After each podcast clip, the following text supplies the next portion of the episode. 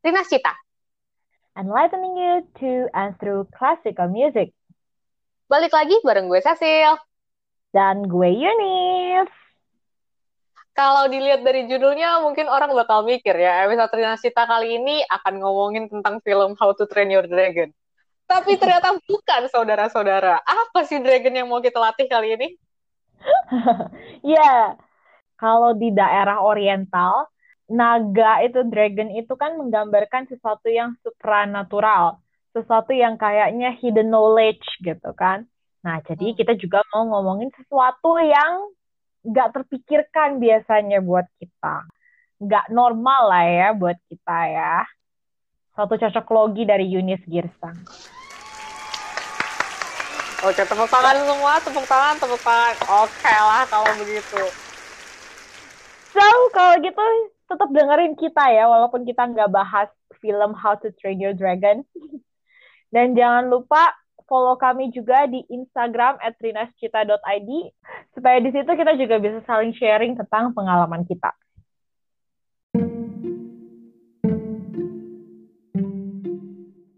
Hey, hey, hey! Agak menggelikan ya. Uh, mari kita sama-sama awali episode Rina Cita kali ini dengan ngomongin heritage. Oke, gimana tuh Cil emangnya? Ngomongin heritage maksudnya adalah ngomongin warisan kita bersama. Jadi kan kita semua nih, ya setidaknya kita semua yang terpikirkan oleh gue ya, gue, Yunis, dan teman-teman yang dengerin adalah orang Indonesia. Yang mana Indonesia itu adalah sebuah negara yang terletak di Asia Tenggara. Asia Tenggara ini terletak di mana saudara-saudara? Di benua Asia. Nah, katanya nih, orang Asia itu punya ciri-ciri yang apa ya? Yang khas gitu. Banyak yang bilang bahwa uh, hal yang membedakan dunia timur yaitu dunia Asia dengan dunia barat adalah bahwa orang Asia itu katanya in some way dia lebih cenderung mengutamain perasaan gitu. Sementara orang-orang di barat kan mereka lebih ke orang-orang yang logis, rasional gitu kan namun katanya nih orang Asia justru adalah orang yang sulit untuk menyampaikan isi hatinya juga pendapatnya gitu kan. Coba kita pikir-pikir, kita sebagai orang Indonesia kan biasa banget di, uh, diajarin bahwa kita nggak boleh uh, nimpalin kata-kata orang yang lebih tua atau orang yang lebih besar uh, tinggi jabatannya. Terus kalau misalnya kita, uh, terutama teman-teman yang mungkin laki-laki gitu ya, kalau nangis dibilang cengeng lah dan banyak gitu gue juga sempat uh, ya mengenal beberapa orang dari Asia maksudnya selain kita orang Indonesia ya tapi kayak gue melihat bahwa emang orang Asia itu misalnya orang Jepang orang uh, Korea atau Tiongkok gitu ketika disandingkan dengan orang-orang yang dari Eropa mungkin biasanya mereka lebih cenderung yang agak diem dan nggak speak up gitu. Tapi kak, tapi kak, tapi kak, apa deh? Padahal Anda lebih tua dari saya, Kak. Kak, Kak. Silakan, silakan. Tapi orang Batak galak-galak, Kak. Waduh. Kamu nggak pernah dimarahin sama orang Batak. nah. Emangnya kamu orang Karo sih? Ini bawa-bawa suku ya, Anda orang Batak. orang Batak tuh galak-galak tahu, Kak Oh iya sering dimarahin ya Yunis ya di rumah ya? Bukan ah, kamu nggak pernah dimarahin Yunis ya? oh iya mohon maaf bener juga. Entah. Iya Yunis ceritanya galak guys dalam kehidupan nyata. Jadi kalau denger dia ketawa-ketawa doang tuh ya itu hanya pencitraan. Iya tapi bener sih orang Batak tuh emang kenal emosi yang wow meledak-ledak gitu yang marah jeder jeder jeder. Tapi giliran kalau misalnya ada hal lain gitu ya kayak lagi sedih galau biasanya mungkin agak malu kali ya diungkapkan secara langsung. Iya jadi emosinya cuma satu gitu ya semua ya. Either cuman senyum-senyum doang atau cuman marah-marah doang gitu maksudnya. Waduh senyum-senyum ini maksudnya apa ini?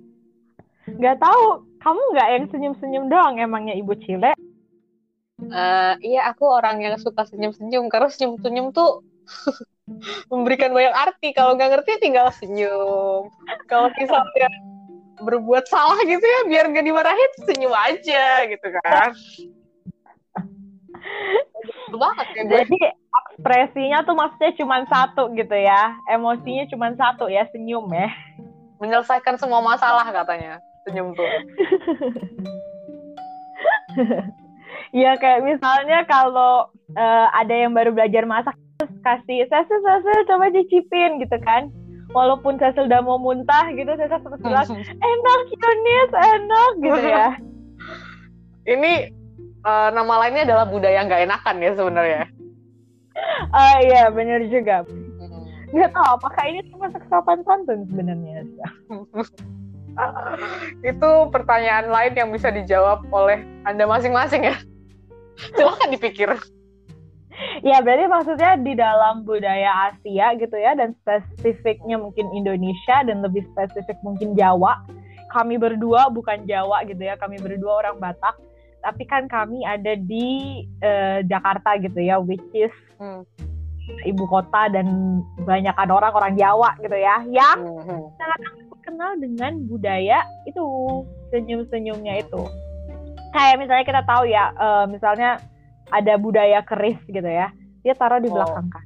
Itu untuk supaya nusuknya tuh dari belakang. Oh gitu. Itu itu bener baru tahu nih gue. Iya jadi tuh jadi tuh kita uh, orang Jawa tuh memang kebiasa untuk senyum-senyum di depan dan kalau nusuk tuh dari belakang. Nah itu makanya muncul budaya keris tuh kayak gitu Oh, ini kedengarannya kami agak-agak menyinggung orang Jawa ya, tapi ini ini uh, objektif aja ya guys maksudnya tentang culture, geng. Iya, Jadi kita terbiasa dengan culture yang kayak gitu gitu loh. Hmm, hmm, hmm, ya. Siap, siap, siap. Wow. Ya. Tapi kenapa kita ngomongin ini ya, Nis? Ayo coba ya, dilanjutkan. Mungkin karena kita kesannya terbiasa ah, budaya kita gitu ya budaya kita yang biasa kita hidupin yang kita biasa sehari-hari ada itu terbiasa dengan cuman punya satu jenis ekspresi yaitu senyum. Atau mungkin dalam situasi orang Batak nggak tahu sih ya saya juga udah yang anak senyum-senyum aja kan bukan yang marah-marah. Ya pokoknya intinya cuma satu jenis ekspresi gitu. Um, kayak tadi saya bilang gitu nggak uh, ngerti senyum uh, bikin salah takut dimarahin senyum. Jadi ekspresinya kayak cuman senyum gitu kita nggak punya ekspresi lain. Hmm, hmm, gitu. Terbatas ternyata ya ekspresi kita tuh. Iya benar sekali. Sedangkan kalau misalnya kita main musik nih ya hmm. kita cuman punya let's say dua lah ya dua atau tiga. Tiga jenis ekspresi. Senyum hmm. Uh, sedih marah apa nggak bosan lagu kita bayangin bayangin misalnya dengerin simfoni yang 40 menit kira-kira uh, gimana Atau ya lagu misalnya lagu piano aja yang agak panjang kan ada yang lima hmm. menit sampai 10 menit gitu ya kan ya. ekspresinya nggak yeah. mungkin senyum dari awal sampai akhir kan hmm, hmm, hmm. hmm. jadi gimana harusnya Cecil wah gimana harusnya Wah kalau misalnya ditanya harus gimana, bener sih pasti bosan banget kalau misalnya satu lagu gitu ya lima menit isinya begitu doang gitu moodnya. Tapi ternyata saudara-saudara dalam musik atau melalui seni secara secara lebih luas gitu ya, manusia diberikan ruang untuk berekspresi tanpa harus bener-bener straightforward atau in, in your face gitu loh. Ya taruhlah kalau misalnya uh, apa yang lo mau coba ungkapkan itu rumit. Ya buatlah musiknya juga rumit bisa dengan macam-macam gitu loh. Dan gue pribadi juga uh, menurut gue musik yang gue nikmati adalah musik yang ada eskalasinya mungkin atau ada ya betul kayak tadi ada perubahan mood dari misalnya dari yang pelan terus tiba-tiba ada uh, jadi cepat terus misalnya tiba-tiba dia modulasi lah ganti kunci segala macam. Itu itu semua kemungkinan tuh bisa uh, lo taruh di dalam skor gitu di dalam apa di dalam uh, lo coba ekspresikan perasaan dan pikiran lo di dalam musik atau dalam seni gitu. Jadi jadi jadi menurut gue sangat tidak terbatas. Banyak banget kemungkinan yang lo bisa uh, lakukan dengan uh, mencoba ekspresi melalui musik dan seni. Ya yes, benar. Jadi kayak misalnya dalam musik tuh mereka punya apa ya? Kayak misalnya bahagia gitu ya seneng. Senengnya hmm. tuh beragam ya hmm, kan? hmm. ada Hmm. yang misalnya senangnya tuh kayak kesannya eh, nyinyir gitu. Bahasa Jermannya Schadenfreude kalau nggak salah ya. yes. Ya dan Freude terus ada yang senangnya tuh kayak seneng yang berbunga-bunga gitu misalnya. Habis ketemu sama kekasih gitu kan. Eh, eh, Terus ahli ya ngomongin ginian.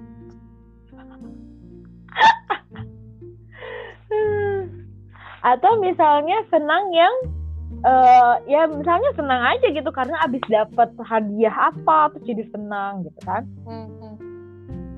Jadi banyak apa ya banyak jenisnya kali ya banyak Hmm. turunannya gitu ya nggak cuman satu jenis gitu loh kayak senyum senyum senyum tok senyum tok dah gitu. Tapi gue pernah baca jadi ada yang kayak analisis bah kesannya majestic gitu kesannya megah tapi dia pakai minor. Karena Iya. memang ada jenis-jenis minor tertentu yang justru lebih menggambarkan bukan kesedihan gitu tapi justru menggambarkan satu hal yang yakin pasti gitu loh. Maka Hmm. dia lebih pakai minor daripada si major. Although kita Hmm. tahu biasanya pembagian paling gampang kan gitu kan. Major senang minor sedih gitu. Jadi memang Hmm. di dalam musik tuh ekspresi nggak sesimpel senang sedih gitu doang. Itu yang tadi gue bilang kan. Hmm. ya seperti itu. Ini kan hal yang menarik ya untuk dipelajarin dari musik sebenarnya. Yang kita sebenarnya bisa apply juga ke kehidupan nyata jadi although memang gue juga sih sama lah kan gue masih budaya Asia gitu ya. Gue juga punya ekspresi itu sebenarnya cuma senyum-senyum doang ketawa-ketawa doang gitu kan.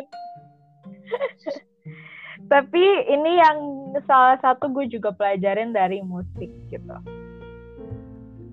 Hmm, musik gue tuh sebenarnya quite monoton sih kalau dipikir-pikir ya.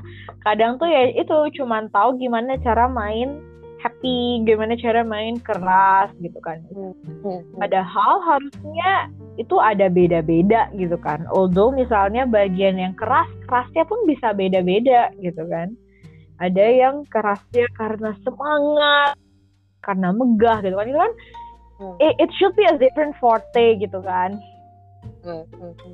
Ya, jadi pertama-tama tuh bayangin lo punya ekspresi dulu deh, gitu. Hmm. Uh, bayangin misalnya, misalnya kalau kalau seneng gitu ya, senengnya misalnya dapat apa dapat hadiah gitu kan, itu seneng yang beda sama seneng yang seneng yang berbunga-bunga gitu sama seneng yang bangga gitu kan, Hmm. lo beda kan. Nah dari lo mikirin kayak gitu, mikirin perasaan itu baru lo bisa tuangin ke dalam musik. Baru lo bisa belajar ekspresiin di musik. Dan karena lo udah belajar untuk tuangin itu dalam musik akhirnya dalam kehidupan nyata pun lo bisa lebih belajar untuk em, punya ekspresi itu gitu. Ya nggak sih? Iya. terus rasa gitu. Although belum yang bagus banget ya. Ya adalah belajar kayak begitunya. Seru ya, kalau kayak gitu nanti lo juga ujung-ujungnya jadi bisa berempati gitu gak sih sama orang kayak wah. Yes. Jadi lebih apa ya, lebih peka sama orang tuh juga da- salah satunya dari itu kan. Hmm, hmm, hmm, hmm. Yang punya sensitivity itu terasa. Hmm. Wah, ngomong-ngomong soal apa ya, mengungkapkan perasaan yang rumit gitu. Gue jadi, gue baru terpikir sih, gue gue keinget sebuah lagu yang gue pelajari. Judulnya tuh Felicidad. Itu bahasa enggak yakin sih kayaknya bahasa Latin atau semacamnya. Itu artinya kan happiness gitu ya. Dan waktu gue denger pertama kali uh, guru gue main juga sebenarnya itu kan lagu nggak menggambarkan happiness banget sih sebenarnya, tapi lebih gue juga nggak tahu me- mengungkapkan dengan kata-kata nih kayak lagunya itu agak pokoknya unik lah karena ini juga lagu modern gitu ya lagu kontemporer sebenarnya Eh, komposernya masih hidup terus jadi si Felicidad ini kan asal lagunya adalah lagu dengan lirik eh, terus di eh, arrange sama seorang komposer namanya Roland Dyens ke uh, buat gitar solo gitu ya. Terus kalau gue lihat lirik aslinya tuh sebenarnya uh, gini lah kira-kira terjemahannya. Kesedihan itu tanpa ujung, tapi kebahagiaan itu ada ujungnya gitu kan. Itu aja gue waktu waktu pertama kali ngeh itu kayak, ah, bagaimana? Jadi uh, gue masih gue masih juga tengah bingung dalam memainkan lagu ini ya, lagu si Felicidad ini karena karena uh, liriknya sama apa ya melodinya itu nggak kayak yang bilang tadi nggak nggak langsung lo bisa determine ini dia seneng atau ini dia lagi sedih gitu loh dan mungkin itu sendinya kali ya. Itu itu uh, interpretasi sederhana gue ya. Sok tahu dan cocok lagi dari Cecilia Aloina itulah uh, gimana melodi si Felicidad ini atau ya nada-nadanya si Felicidad ini kayak menggambarkan kebingungan uh, perasaan yang puzzling gitu sebenarnya. Kalau gue pikir-pikir kan uh, coba mungkin kalian bisa dengar itu itu uh, gue mau bilang aneh juga. Enggak gimana dong? Jelek banget aneh. Agak bizar gitu menurut gue. Hmm. Halo? Ya halo. Gimana nih? Lo lo sering gak sih mendengar lagu kayak gitu? Kayak lagunya liriknya gimana? Terus musiknya seperti apa gitu? Sering. Ada satu yang gue baru apa ya nggak baru sih. Cuman gue kayak waktu denger tuh gue bener-bener langsung yang kayak amazed. Yang sampai hmm. kayak kayak terharu saking kerennya gitu ya. Ada satu lagu itu kantatanya bah kantatanya bah kantatanya bah jadi judulnya itu adalah uh, bahasa bahasa Jerman ya. Wer sollte nicht gehen jadi kalau diterjemahin literal tuh artinya siapa yang nggak akan pergi gitu ya. Wih. pergi di sini maksudnya tuh meninggal. Siapa yang nggak akan meninggal. Wih wih wih wih. Tapi lo tahu apa? Dia nyanyinya sangat amat enteng dan juga pakai flute yang sangat amat ringan dan playful banget. Gitu kalian kalau bisa kalau bisa dengar itu judulnya tuh tuh Wer sollte nicht gehen. Hmm. kalau gue yang nyanyi nanti kuping kalian kasihan. Eh. Bisa dicari. Silahkan dicari ya teman-teman. Ya. Itu benar-benar yang gue pas dengar tuh gue yang kayak hah? Apa? Gimana berarti kan maksudnya dia mau um, apa kita mikirin kematian itu bukan suatu hal yang semenakutkan itu gitu tapi suatu hmm. hal yang lo eh, eh, lo bisa refleksi gitu lo bisa pikirin ulang dan bukannya takut justru gitu lo hmm. justru bisa hampirin kematian itu dengan quite santai dan playful gitu that's really beautiful eh ini satu lagi sih menurut gue kayak karena tadi lo bilang soal hmm, tadi soal flute yang sangat ringan dan segala macam itu ya. Uh, ini yang gue coba bilang bahwa uh, lo dikasih ruang untuk ekspresiin gitu loh. Jadi kayak uh, terutama dalam hal instrumentation atau orchestration tuh kayak maksudnya lo uh, ngatur instrumen ini mainin seperti ini gitu karena kan setiap instrumen punya punya uh, punya hawanya tersendiri kan. Ya. terus ya, kalau misalnya lo kompos lagu um, kadang tuh uh, menentukan instrumen mana main bagian mana tuh sangat sangat penting untuk memberikan kesan yang kayak lo bilang tadi kalau misalnya flute jadi ringan banget kedengarannya kalau misalnya lo ngomongin orkestra lo punya banyak banget pilihan dan punya banyak banget opsi untuk me me mewakili berbagai hal yang mungkin ingin lo ungkapkan gitu loh. Iya ya ngerti ngerti ngerti. Kayak kayak flute karena memang dia suaranya lebih tinggi gitu kan makanya hmm. dia asosiasi sesuatu yang lebih playful gitu. Sedangkan misalnya kalau brass gitu sesuatu yang lebih apa namanya megah gitu kan karena suaranya tet tet gitu kan. Ya jadi sebenarnya dari musik kita belajar bahwa afeksi manusia itu beragam ya. Hmm. Bahwa kita juga bisa belajar untuk bagaimana bagaimana ngerti suatu afeksi itu dan belajar untuk bagaimana diekspresikan keluar gitu ya. Hmm. Oh. Gitu. Wah. Jadi gimana teman-teman? Apakah kalian punya afeksi yang selama ini terpendam? Tidak bisa dikeluarkan? Ngendep gitu ya di dalam? Jangan, latihlah dragon kalian masing-masing itu ya. Iya. Mhm.